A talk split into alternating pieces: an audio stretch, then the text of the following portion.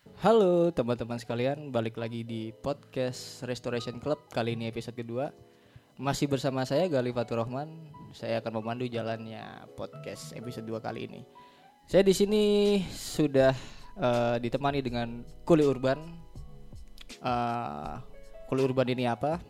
Mungkin bisa dijelaskan sendiri oleh teman-teman dari Kuli Urban ini. Silahkan memperkenalkan diri. Saya Asmo Kumis. Asmo Kumis. Iya, Asmo Kumis. Kalau di jalan Asmo Kumis biasanya. Oh, itu nama ini ya, nama panggung gitu. Iya, Atau- nama embongan. Yo, nama alias gitu ya. Iya. Oke, yang lain Nama saya MA Skate. MA Skate. Skate. Ini pada pakai nama panggung semuanya ya berarti. Nama ya? panggung. Kenapa harus ditutupi kayak gitu? Kenapa nggak pakai nama asli? Karena yang supaya biar itu yang dilihat di jalan yang buat membangun brand diri sendiri ya lewat itu. Oh, ini ya identitas pribadi gitu ya. Jadi waktu gambar-gambar di jalan bisa kelihatan siapa nih yang gambar itu ya. Oke, yang lain bisa diperkenalkan dulu. Saya Dozo Warner. Dozo Warner. Warner. Warner. Oke, Dozo Warner. Saya termasuk apa ya? Juga vandal juga mural juga, tapi Oh ya. Yoi sekali nih. Jadi ketemu sekalian ketemu foundernya juga di sini. Terus satu lagi mungkin Oh, teman-teman teman dari Kuli Urban. Nah, dikenalin dulu juga nggak apa-apa kok.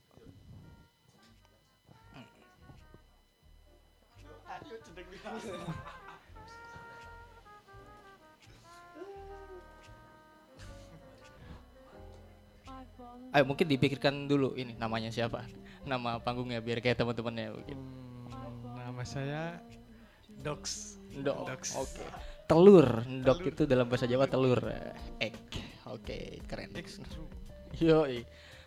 jadi pertama pertama eh, pertama-tama mungkin eh, karena di Kepanjen sendiri eh, seni yang berhubungan dengan kayak yang teman-teman lakukan kayak jadi kuli urban ini adalah sekumpulan anak yang melakukan ini graffiti ya.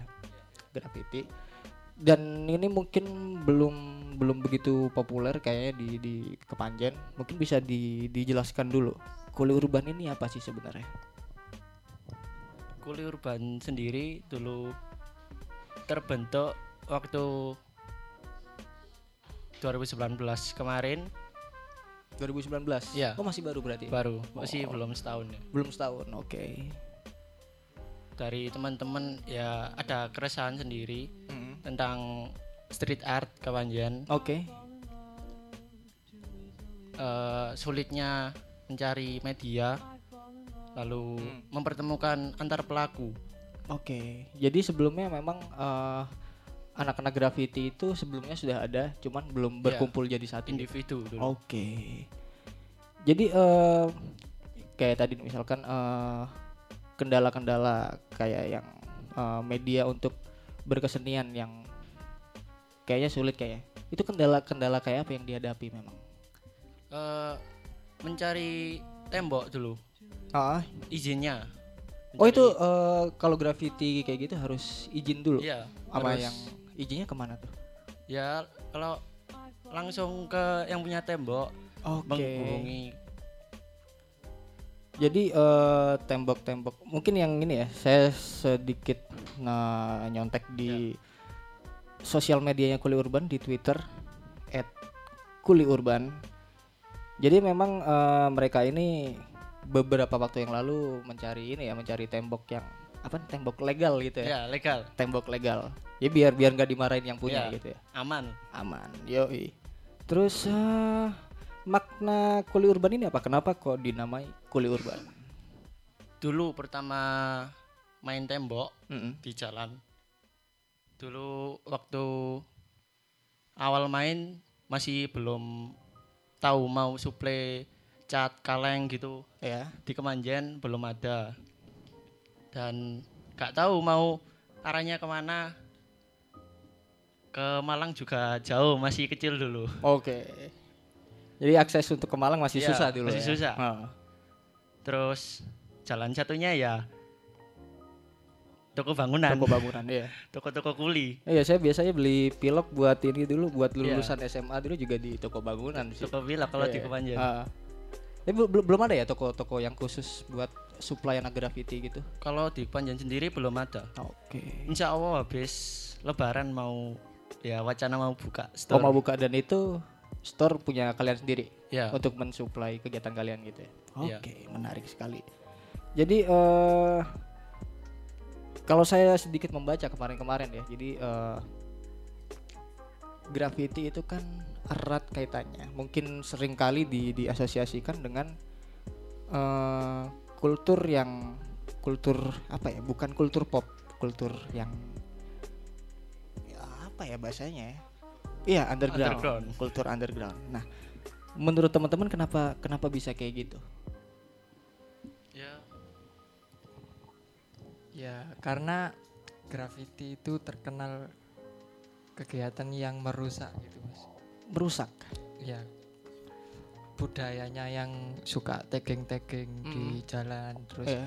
bombing-bombing, blockbuster, terus apa itu? Throw up. Ah, itu bisa dijelaskan dulu kayak ya, kegiatan-kegiatan itu ngapain sih? Budaya itu kayak itu kan kayak sebuah apa sih kayak ekspresi anak-anak sih. Mm-mm. Cuman yang masyarakat menerimanya itu nggak ada. Nggak sebagai hal yang negatif gitu ya. Akhirnya masyarakat itu muncul per, apa perspektif bahwa graffiti itu merusak gitu. Oke. Padahal menurut teman-teman itu bukan kegiatan yang merusak. Kalau di kuliah urban sendiri itu lebih ke kita nyari tembok yang legal. Mm. Oh tembok ini kayak bagus, terus kita cari yang punya, Oke. terus kita tembusi, kita izin, kita gambari boleh apa enggak? Kalau Mm. boleh akhirnya kita gambari gitu. Oke. Kalau enggak boleh ya cari lagi. Jadi ini eh, berkaitan dengan identitas kalian sebagai seniman graffiti ya. Jadi eh, kalau saya lihat sebenarnya kemarin teman-teman kuliah urban ini sempat ini sih ya eh, ngadain event gitu yang ngedatengin writer-writer dari mana kemarin tuh Ya ada dari Madiun, ada Ah. dari Jombang, Oh iya, terus dari, dari Malang.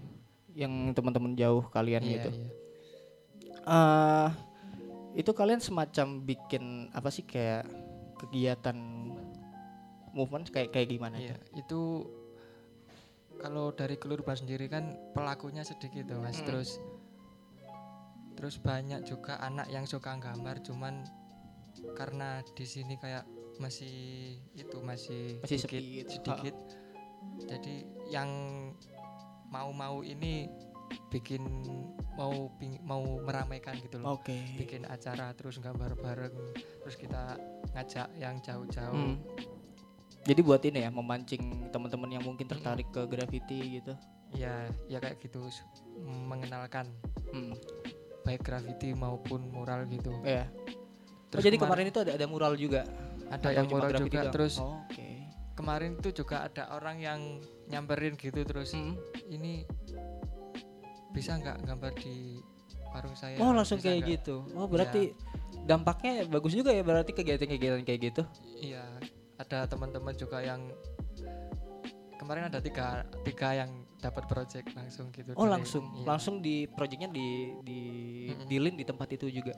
Mm-mm, langsung kita kontak-kontakan terus tinggal eksekusi aja sama yang itu Berarti perputa- perputaran duit di eh, seni kayak gini tuh dapatnya dari hal-hal kayak gitu ya yang kita kita gambar terus iya katakanlah misalkan eh gambar kalian udah banyak itu bisa menjadi portofolio buat eh, kalau ada orang yang pengen bikin project sama kalian nih portofolionya udah banyak kayak gitu nggak sih? ya bisa bisa dari situ Oke. terus beberapa pelaku ada juga yang kerja di luar di luar seni Mm. terus nanti buat beli cat duitnya ada buat juga- buat berkesenian.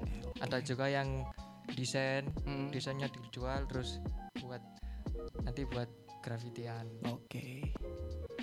Eh, terus kalau saya lihat ya beberapa dari karya-karya kalian termasuk yang eh, kapan hari itu yang event yang jadi satu sama eventnya Restoration Club yang di mana tuh Stadion Kanjuruhan kemarin tuh ya.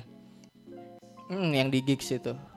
Nah itu keren, banget sih kalau kalau saya lihat jadi teman-teman menggambar terus jadi satu juga sama anak-anak musik di situ yang eh, istilahnya jadi tempat jadi event yang lintas disiplin di situ. Dan dan saya lihat eh, teman-teman ini menggambar apa ya identitas teman-teman sendiri ya. Memangnya eh, sepenting apa identitas itu buat teman-teman?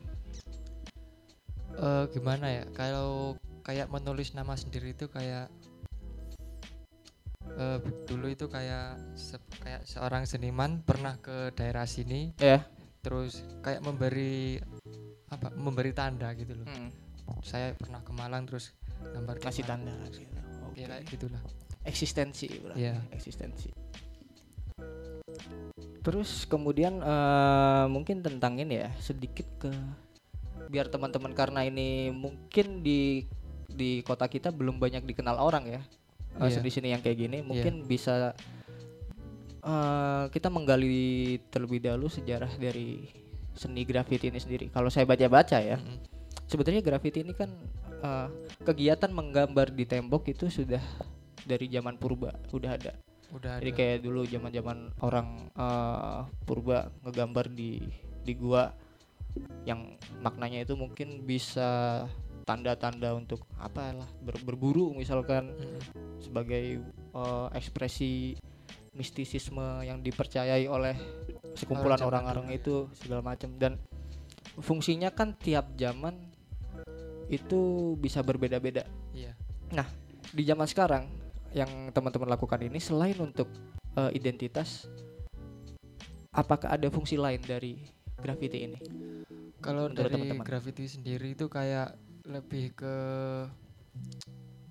memberi warna ke daerah sini. Oke. Tidak tadi kita tidak hanya menulis nama cuman warna-warna yang kita buat terus objek-objek yang kita buat itu kayak memberi kesan sendiri buat orang yang melihat gitu. Oke jadi eh, warna-warna yang teman-teman pakai ini apakah ada maksud tersendiri semacam itu? Ada pasti ada. Kayak Oke. kenapa kita buat kita pilih warna yang cerah mungkin supaya orang yang lihat itu memberi kesan menyenangkan Oke, jadi hampir sama kayak ini ya sebenarnya. Ah, hampir sama kayak seni ya menggambar lainnya pada pada iya pada dasarnya. iya Oke.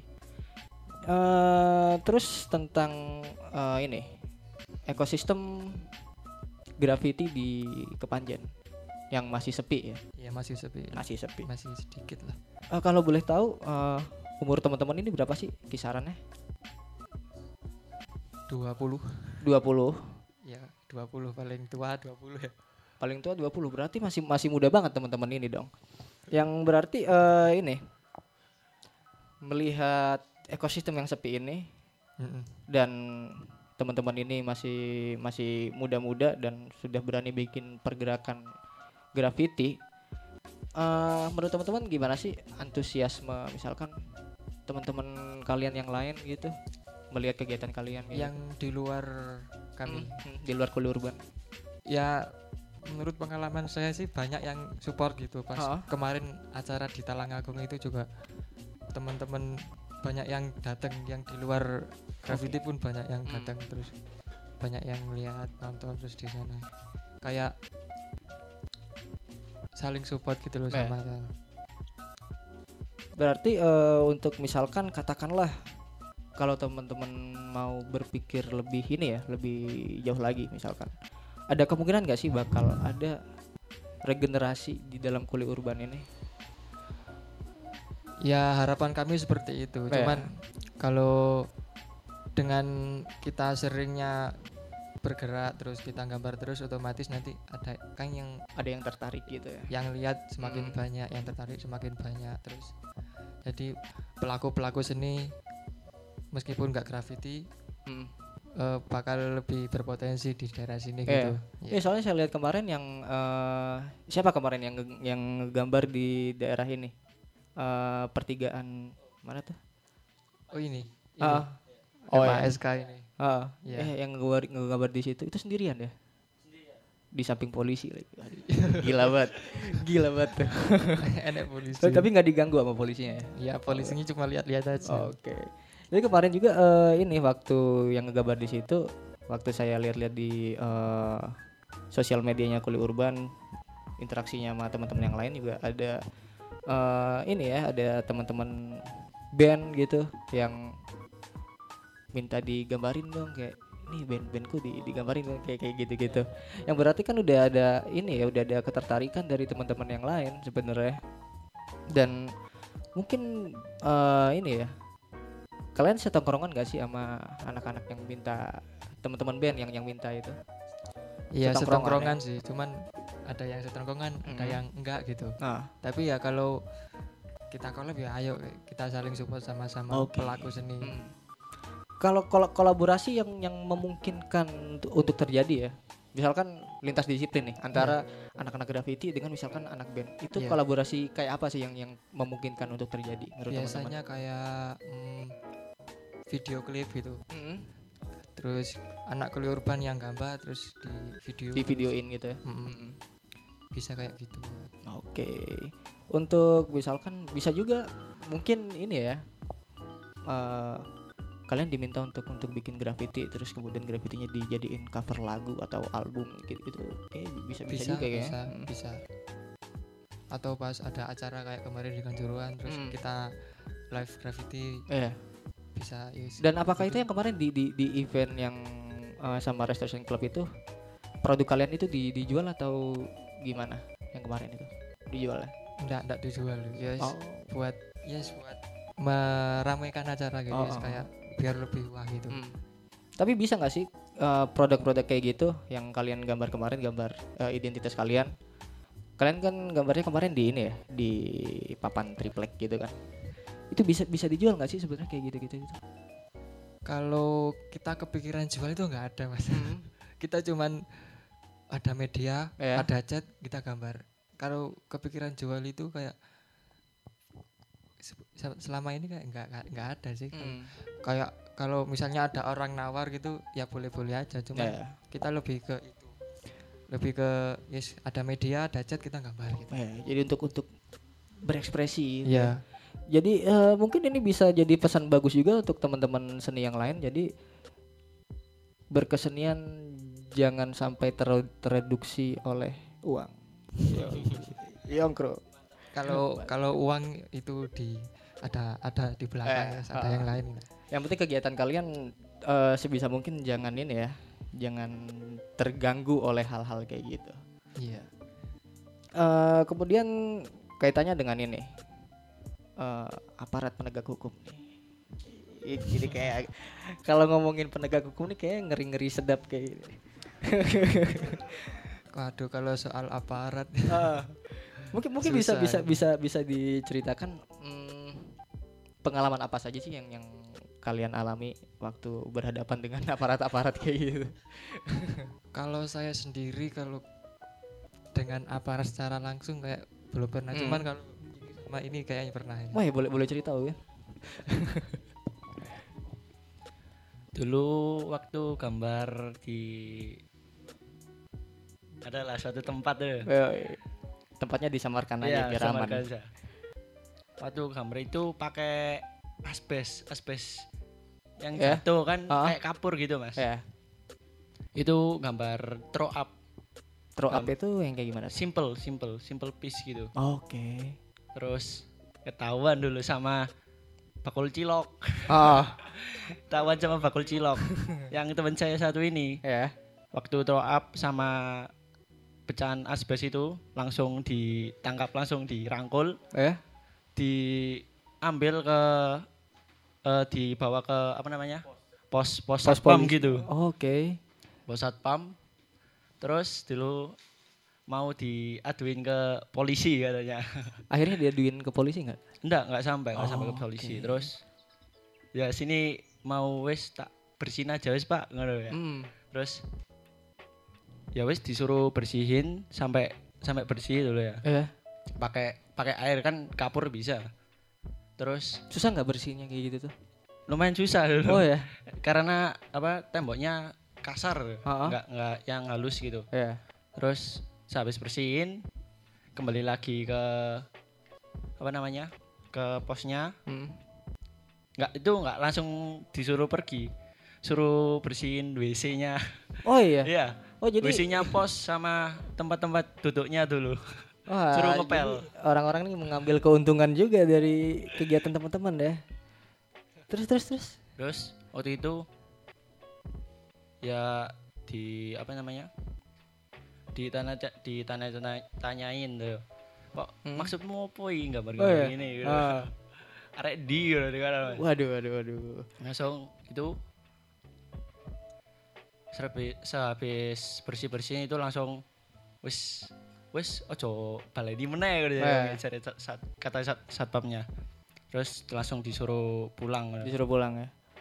Apakah mungkin dari dari pengalaman itu teman-teman jadi mungkin lebih memilih untuk main aman dengan memilih tembok-tembok yang legal semacam itu? Apakah dari pengalaman itu atau enggak?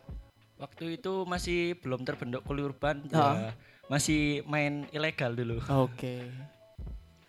Jadi di di ini ya di kalau di apa ya sebenarnya nggak nggak bisa diartikan benar salah sih. Cuman kalau mau malu mau diartikan secara kayak gitu, ah apakah itu kegiatan yang salah menurut menurut teman-teman? ya kalau seperti vandalisme Hmm. eh, memang bisa dipandang salah Ya. ya salah memang Hmm. Berdasarkan moral umum ya. iya tapi Bisa bisa kalau salah. dari pandangan Hmm. writer atau senimannya sendiri itu ya buat suka-suka Ya. Buat main-main aja dan eh, misalkan kita beranjak ke ini ya graffiti yang fungsinya lebih lebih jauh lagi Iya. jadi eh, kalau saya baca-baca ada beberapa eh, writer graffiti atau seniman mural gitu yang memanfaatkan kegiatannya untuk melakukan eh, membentuk propaganda atau misalkan melawan eh, fenomena sosial yang dia anggap nggak bener nih kayak gini nih dan Iya. dia menyuarakan itu lewat-lewat lewat eh, kegiatannya mau eh, baik itu graffiti dan bisa jadi mural Eh, apakah sejauh ini teman-teman punya eh, concern ke situ juga Kalau melihat keadaan di Kepanjen sendiri kan Hmm. kita eh, kita ambil problemnya itu pelakunya yang sedikit itu. ya Jadi kita nggak sam nggak kita lebih memilih untuk memperkenalkan gitu. Hmm. Jadi kita gambar-gambar di jalan gitu kita izin kita kita warnai gitu. Supaya kita graffiti pun diakui Eh, terus lebih diperhatikan gitu ya? Ya oh ternyata di sini ada graffiti juga. Oke. terus terus kita memperkenalkan itu. Hmm. kalau soal merespon politik sih Hmm, enggak mas. Kita lebih ke mengenalkan gitu loh. Oke Eh, apakah memungkinkan misalkan nantinya ada eh, em, katakanlah member kuli urban yang baru nih Iya. dan dia mau menyuarakan eh, aku mau nih eh, ngegambar cuman isinya pesan-pesan perlawanan segala macam kayak gitu mungkin nggak Iya. buat dibuat ditampung di kuli urban ini iya bisa bisa saja asalkan kayak kita gambar itu punya pertanggungjawaban gitu mas Ah, alasan kenapa sampean gambar kayak gini terus mm. merespon apa dan gambar itu membawa dampak membawa pengaruh gitu. Iya pasti membawa pengaruh positif gitu mas Mm. kalau kalau menggambar yang merusak atau kayak vandalisme itu Mm. lebih ke budayanya emang Iya. budayanya seperti Hmm. itu tapi kalau dari kelurban sendiri sih kayak lebih ke kita mencari tembok yang halal gitu tembok kita kita gambar yang bagus Eh, supaya tembok orang yang disertifikasi oleh MUI gitu.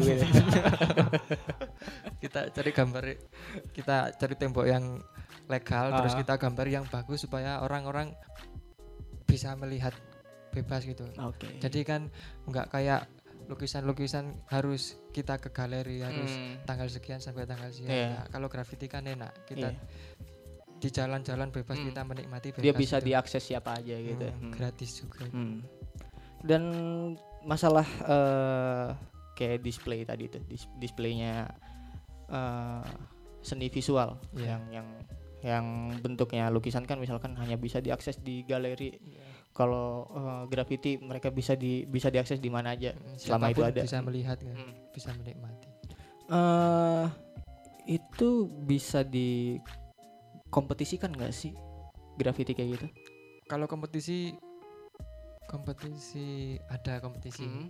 Ada kompetisi skate, ada kompetisi di tembok juga ada. Eh, skate tuh yang Yang di kertas. oh di kertas, jadi Mm-mm. belum belum digambar di tembok gitu ya? Mm. Oke. kompetisi juga ada cuman kebanyakan anak-anak graffiti itu lebih mencari kayak eh, eh, teman baru gitu mas lebih kayak mencari teman baru jadi kompetisi itu buat ajang menambah relasi gitu. Oke. Kalau boleh tahu misalkan ada kompetisi kayak gitu ya? Iya. Eh, karena saya saya baca-baca kemarin ternyata wah ada juga nih kompetisi graffiti. Iya. Itu yang dinilai apanya? biasanya kalau kompetisiku yang dinilai itu dari dasar dari dasar seni sih mas kayak Hmm. komposisi kayak warna terus Oke. Ini komposisinya enak dilihat apa enggak Hmm. warnanya enak dilihat terus kadang juga style juga style yang kuat itu Hmm. juga bisa mempengaruhi terus kadang juga konsepnya juga Iya. konsepnya oh konsepnya keren bisa juga Oh, berarti eh, graffiti itu tidak hanya sekedar misalkan gambar apa dalam bentuk tertentu, gambar huruf dalam bentuk tertentu, nggak nggak cuma sekedar itu ya? enggak enggak Oke. Kalau boleh tahu misalkan eh, tadi eh, kalian bilang ada ini ya, ada konsepnya, terus ada komposisinya. iya Dari konsep-konsep itu dari stylenya mungkin itu ada ada ada apa aja sih? Kalau biasanya dari konsep-konsepnya itu kayak pemilihan warna terus Mhm. biasanya kayak di daerah sini kayak banyak orang-orang yang susah, banyak Iya. orang-orang yang sumpah gitu. Hmm. Terus kita anak-anak grafitis kita gambar dengan warna yang cerah, Iya. memberi kesan yang menyenangkan. Oke. Semoga itu eh, berharap supaya gambar ini bisa memberi kesan orang-orang yang sumpek kalau lihat gambar ini bisa agak Hmm. Bisa senang, oh, meskipun bisa itu terhibur gitu ya. sedikit ya. Hmm, Oke. Setidaknya membawa rangsangan buat orang yang melihat gitu mas. Hmm. Jadi le- lebih lebih lebih jauh lagi sebenarnya graffiti itu kalau teman-teman kalau urban bilang nggak nggak sekedar ini doang nggak sekedar gambar-gambar kelar Eh, terus eh, ada misalkan dia pengen menunjukkan identitas nggak nggak cuma sebatas itu doang dia dia bisa seni itu bisa berdampak lebih jauh lagi bahkan bahkan bisa Iya. sebagai seperti fungsi seni lainnya dia bisa menghibur juga ya. Iya, ya maksud kami seperti itulah. Hmm. Paling tidak seperti itu. Tapi Eh. juga ada kok yang ya ya gambar-gambar aja juga ada. Hmm. Dan Beda-beda. itu nggak bisa dipersalahkan juga ya. Nggak bisa Hmm. itu. Idealisme masing-masing gitu. Iya. Kalau teman-teman nih eh, idealismenya kayak kayak gimana nih? Kalau teman-teman sih ya lebih kayak tadi Ah. kita lebih memberi warna kayak lebih Hmm. mengenalkan supaya kita bisa diterima di Eh, masyarakat gitu Oke. mas. Kalau menurut kalian, misalkan eh, dari kegiatan-kegiatan yang ini nih, eh, ada misalkan dalam satu fenomena ada vandalisme misalkan nih Iya. di di misalkan katakanlah di di waktu demo misalkan Iya, ada ada vandal. iya. Menurut kalian itu kayak gimana? Kalau kayak vandalisme itu kan kayak ada konteksnya mas. Kayak Hmm. konteksnya misalnya kayak kita kita pelaku terus kita itu didiskriminasi misalnya Iya, ya, misalnya hmm. kita diski- diskriminasi kita dibenci terus Hmm. tapi kita tetap bergejolak ingin Iya. berekspresi Ah, ah, ya kita memberontak gitu. Oke. Hmm, seandainya gitu Hmm. cuman kan kita lihat keadaan di kebanyakan kan kayak masih santuy-santuy Hmm. gitu kan jadi kita Kayak belum ada yang salah gitu ya Mm-mm. di Banjen ini. jadi kalau misalnya kita vandal terus Hmm. ditanya loh alasan kenapa sampean vandal gak Kayak bisa jawab Mempertanggungjawab itunya ya. Mm-mm. yang- yang- kalau misalnya kita graffiti di ditekan terus gak boleh Hmm. gini gak boleh gitu terus misalnya kita masuk terus kita berekspresi Hmm. terus ketahuan terus dimarahi gitu kita Eh. bisa bertanggung jawab kita juga pelaku terus kita juga pingin ada media untuk kita berekspresi Iya. gitu tapi lah kalau konteksnya santai sih kita tetap supaya yang gambar sing api-api gitu Mas. Iya. Jadi biar biar bisa mungkin eh, sarananya untuk berekspresi jadi lebih luas dan Iya, memungkinkan lebih banyak orang untuk berkesenian di situ juga kayak gitu ya. iya. Ya, jadi eh, masalah vandalisme tadi kalau kalau kalau saya baca-baca ya, Iya. jadi eh, tidak serta merta tujuan dari vandalisme itu cuma ya ya udah ngerusak ah. Tapi dia ada kayak semacam ada maksud di situ. Salah satunya adalah eh membuat memang dia mem- membuat kerugian tapi itu diarahkan kepada apalah eh, diarahkan kepada negara misalnya. Iya. Jadi eh, ya udah negara lagi gak bener nih terus ini ada fasilitas umum udah rusakin aja biar biar rugi negara Hmm, biar biar iya. orang-orang sadar kalau ini negara nggak baik-baik saja Iya, kayak iya, gitu. iya. Ya itu bisa. Hmm. Bikin kayak gitu yuk. bahaya, Dulu bahaya, kemarin teman-teman ada kok yang ya kita vandal-vandal Mm. tapi kita bukan nama yang kita tulis cuman Mm. lebih melihat keadaan di kepanjen bahaya. tulisannya itu kepanjen panjen sepi seni Oh, oh.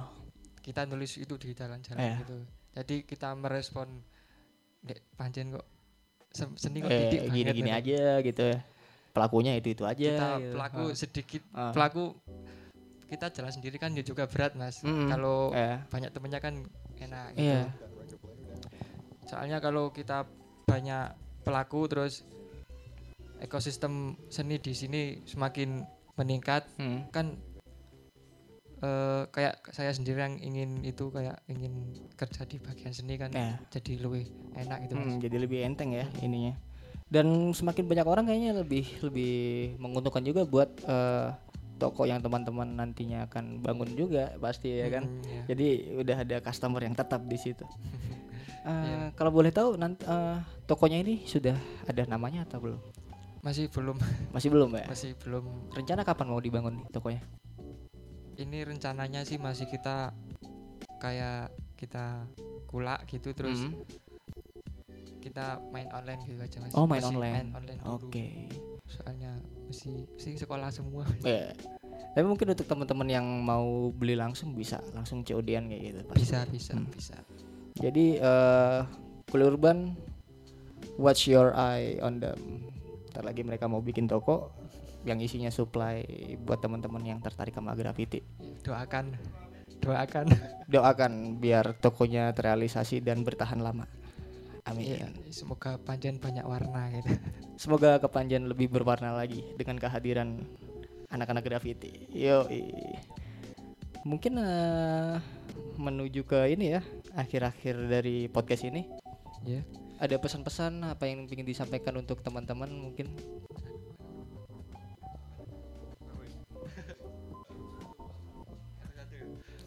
Ya ya teman-teman yang suka gambar yang masih takut nggak ada temennya terus yang kadang masih tertahan oleh orang tua gitu itu itu itu Itu- sangat mengakar sekali itu masalah sulit itu, sulit mendasar itu. sekali masalah kayak gitu tuh.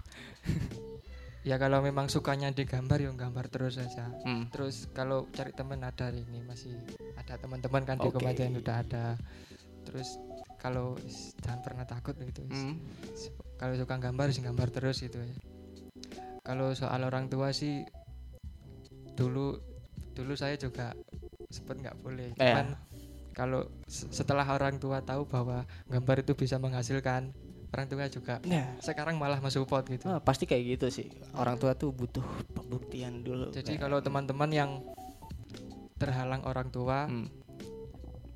mungkin beliau-beliau butuh pembuktian eh buktikan aja kalau Iya. apa yang kalian lakukan bisa menghasilkan sesuatu gitu ya.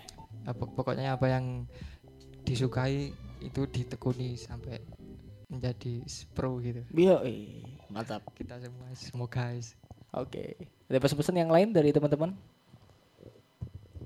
Saya punya pesan kepada siapa? Dia coret-coret di bis-bis apa ga- gambaran orang lain khususnya Hmm. kepanjen ya. Nah, Namanya DHP. Kalau kamu apa? nggak apa-apa disebut aja. Loh, kalau kamu mendengarkan podcast ini, Hah? ayo bombing bareng. Iya. Ojo coret-coret di PC wong. Iya, iya. Lek bombing di liane ae. Oh jadi ini eh eh, graffiti teman-teman terus di oh di di gambarin nama anak lain gitu Ya, ya. jadi Oke. kayak kalau misal ada gambar kami yang gambar kami misalnya kita gambar habis habis cat 200 ribu terus Hmm. kita gambar habis waktu sekitar 6 jam terus Ya. di diretoret dengan gambar yang 15 15 menit jadi. Iya. Jadi pesan kami kayak kita lebih baik kita kumpul aja yuk kita ngobrol bareng Iya dong. apa gitu. Terus kalau ada waktu kita gambar bareng Iya. kita skate battle gitu bisa Bisa kayak gitu. Lagian eh, ngapain sih ada persaingan-persaingan kayak gitu? Kan lebih enak kalau ada teman baru saling support kayak gitu kan lebih lebih enak. ya. daripada kita apa bengkerengan Iya, daripada berantem terus gitu Iya, kan. kalau ya. kalau masih ada kesempatan kita berteman kita gambar bareng boleh-boleh saja tapi Oke. cuman kalau tetap kekeh dengan Hmm. ngajak anu ya yes kita juga bisa gitu Oke, jadi pesan untuk yang bersangkutan kulit urban membuka eh, ruang untuk bersilatura- bersilaturahmi, berdiskusi. Jadi kalau ingin datang sangat boleh datang ke teman-teman kulit urban ya gitu ya. sangat boleh Oke. kita ngobrol-ngobrol bareng gitu mungkin ada pesan lain lagi? Kalau rencana sih kalau di Kelur Banti kan masih banyak tembok yang kosong kan Hmm? rencananya masih kita isi kita isi Oke. kita isi terus banyak terus kalau misalnya ada teman-teman yang pengen numpuk ya silakan Hmm. tumpuk cuman ya itu yang paling nggak sekelas atau yang Ya. setidaknya gambar itu bisa dinikmati semua orang Oke. jadi supaya kita juga pengen membangun brand graffiti bahwa graffiti itu tidak selalu eh, merusak gitu. Oke. kita juga ingin memperindah Ya. daerah itu Oke, terakhir mungkin eh, kalau teman-teman yang lain pengen tahu kulit urban di sosial media nih, bisa ditemui di mana aja? bisa ditemui di apa di Twitter, Instagram oh, mungkin? di sosial media Hmm, sosial media. Kuli Urban ada terus di Twitter apa Kuli Urban Eh, Twitter sama eh, username-nya @kuliurban semua ya. iya at Kuli Urban Oke, jadi untuk teman-teman bisa yang pengen tahu eh, ada apa aja di Kuli Urban, kegiatan apa aja yang mereka lakukan, bisa temui mereka secara virtual di Instagram dan Twitter. Oke, terima kasih teman-teman Kuli Urban sudah datang ke podcast Restoration Club. Semoga tokonya tepat jad- eh, cepat jadi dan bertahan lama dan bisa menghidupkan eh, skena pergrafitian di Kepanjen. Semoga Kepanjen lebih berwarna. Sampai jumpa di podcast-podcast berikutnya. Ciao.